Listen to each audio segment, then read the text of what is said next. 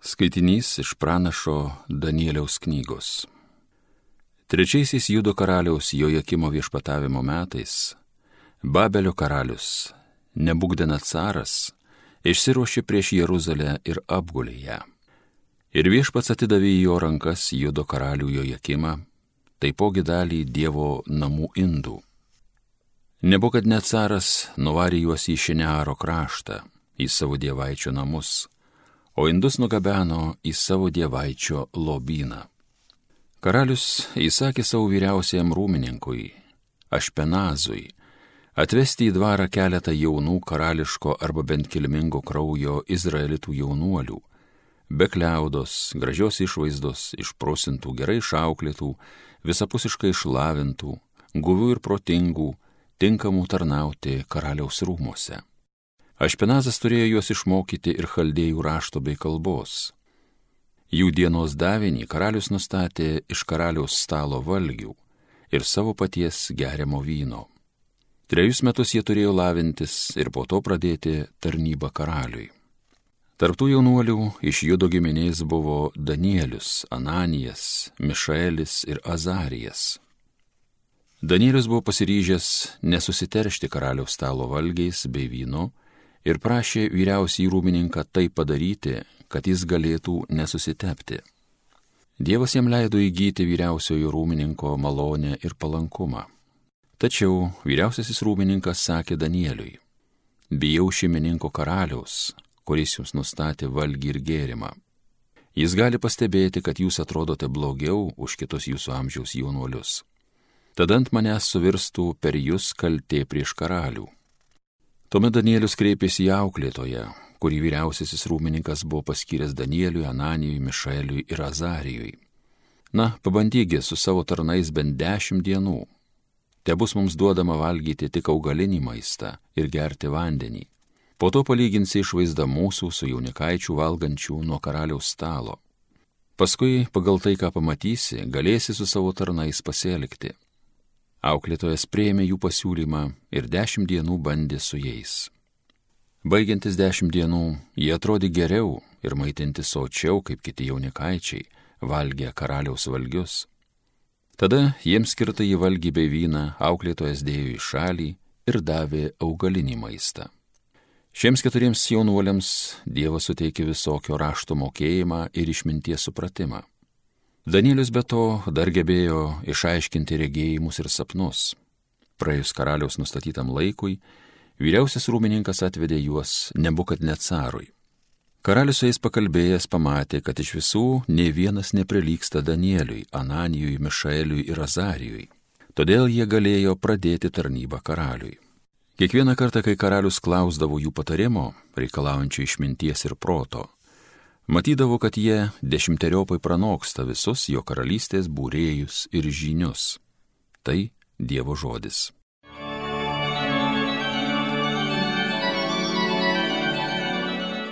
Garbė ir šlovė tau per amžius. Garbė tau viešpatie, mūsų protėvių Dieve, garbė ir šlovė tavo šventajam vardui. Garbė ir šlovė tau per amžius. Garbė tau viešpatie garbingoj šventoviai Garbė tau viešpatie karališkam soste, garbė ir šlovė tau per amžius. Garbė tau viešpatie dangaus ir žemės valdove, garbė tau viešpatie dangaus aukštybėse, garbė ir šlovė tau per amžius. Alleluja, alleluja, alleluja. Budėkite nes nežinote, kurią dieną ateis jūsų viešpats. Alleluja, alleluja, alleluja. Pasiklausykime Šventojios Evangelijos pagal Luką. Pakėlęs akis, Jėzus išvydo turtuolius, dedančius savo dovanas į aukų skrynę Jis taipogi pamatė vieną vargšę našlę, kuri įmetė du smulkius pinigėlius. Ir jis tarė, iš tiesų sakau jums, šita neturtinga našlė įmetė daugiau už visus, anie visi aukojo Dievui dovanų iš to, kas jiems atlieka. O ji iš savo neturtų įmetė viską, ką turėjo pragyvenimui.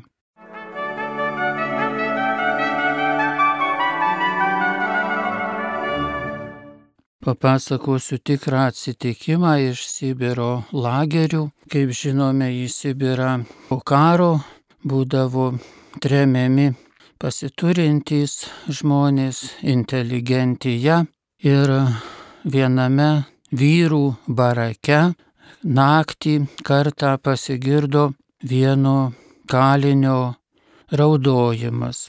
Vyriškas, nedrasus, bet vis dėlto jis pažadino kitus įkalintuosius ir jie klausė, kas jam atsitikę. Verkęs kalinys pasakė, kad jis susigaudino dėl to, kad jam iškilo visa jo praeitis, kai jis gyveno laisvėje. O jis buvo gerbiamas gydytojas. Žmonės jį mėgo ir kaip asmenį, ir kaip daktarą. Jis turėjo nuostabią šeimą ir mylinčią žmoną, gerą atlyginimą.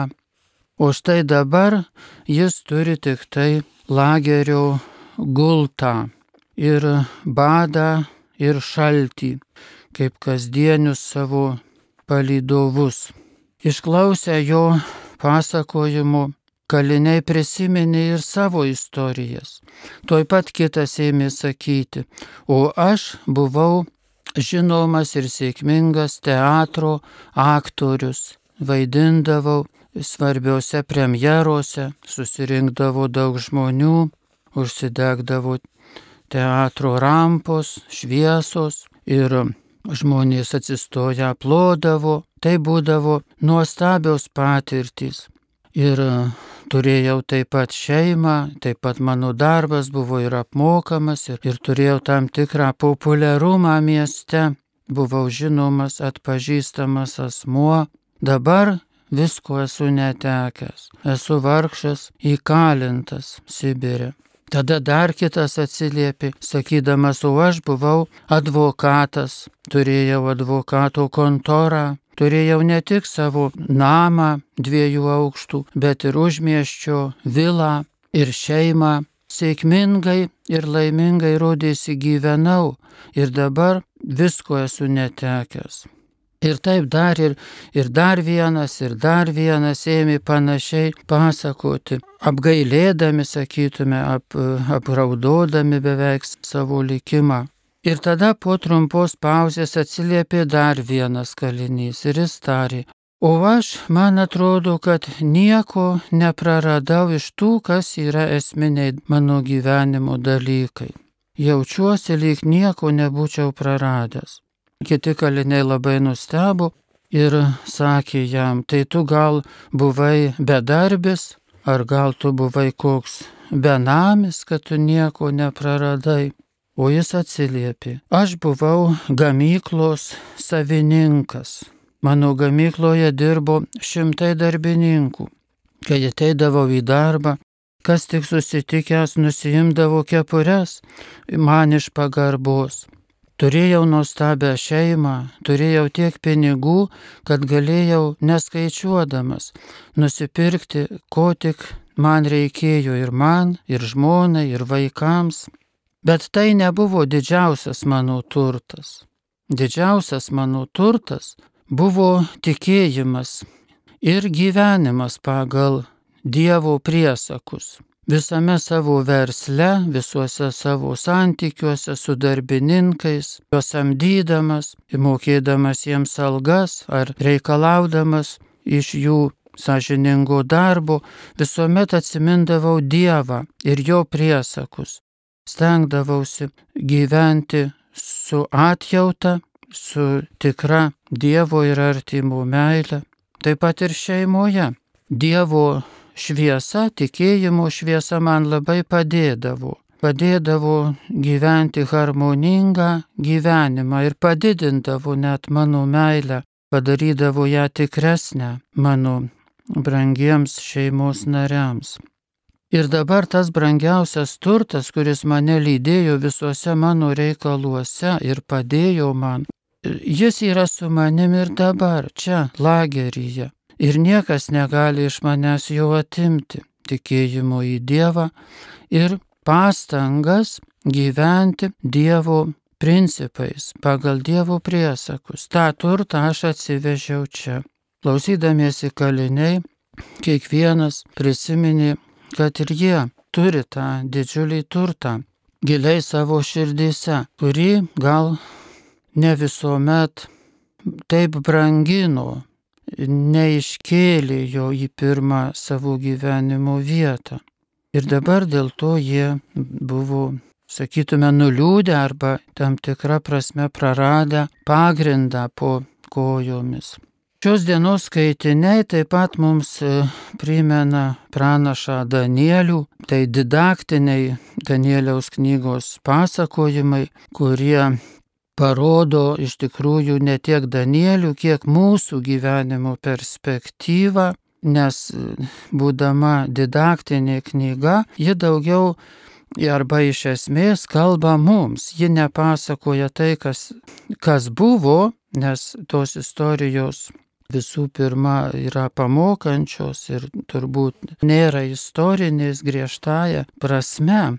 Bet tuo jos dar svarbesnės, nes jos kalba mums, kad tu būk Danielis, tu gyvenk Dievo priesakais, tu visą savo gyvenimą persmelk tikėjimu, tu tikėjimą aktualizuok visuose savo gyvenimo žingsniuose, visuose darbuose. Taip pat ir Evangelija. Gal nereiktų mums sustoti ties tuo specifiniu epizodu, e, kai našlė aukoja savo skatikus, Bet Jėzus pagiria iš tikrųjų, turbūt galime sakyti, tiesiog jos gyvenimo nuostata, kad Dievas jai buvo svarbiausias kaip kad Jėzus sako. Visiems Dievas buvo tada reikalingas, kai jie jau visus darbus buvo atlikę, galima taip perfrazuoti šios Evangelijos žodžius, kad jiems Dievas buvo antrailis, trečiailis. Jis buvo jų gyvenime, bet nebuvo, nebuvo svarbiausias, nebuvo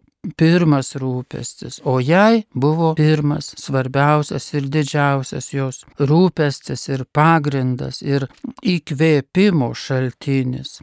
Tai Evangelija taip pat rodo mums šitą perspektyvą, kad tikėjimas, gyvenamas tikėjimas, tikėjimas, kuris įkvepia mus, sustiprina mus ir padrasina mus, paskatina.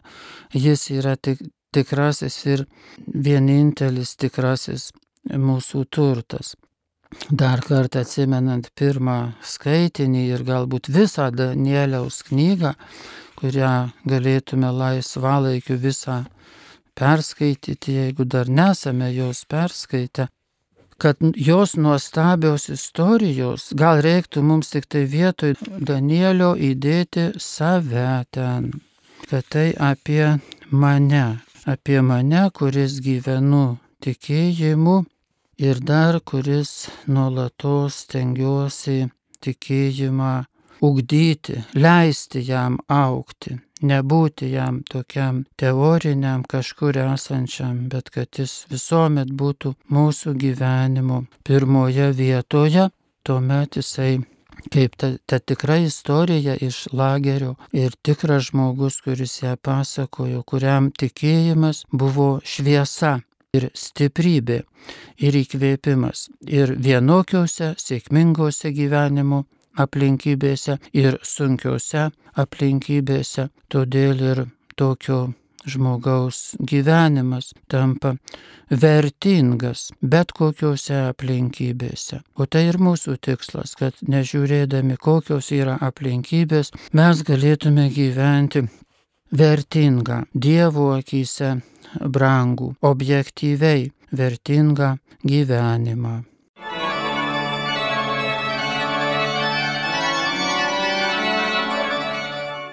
Homilija sakė profesorius, habilituotas teologijos mokslų daktaras kunigas Romualdas Dulskis.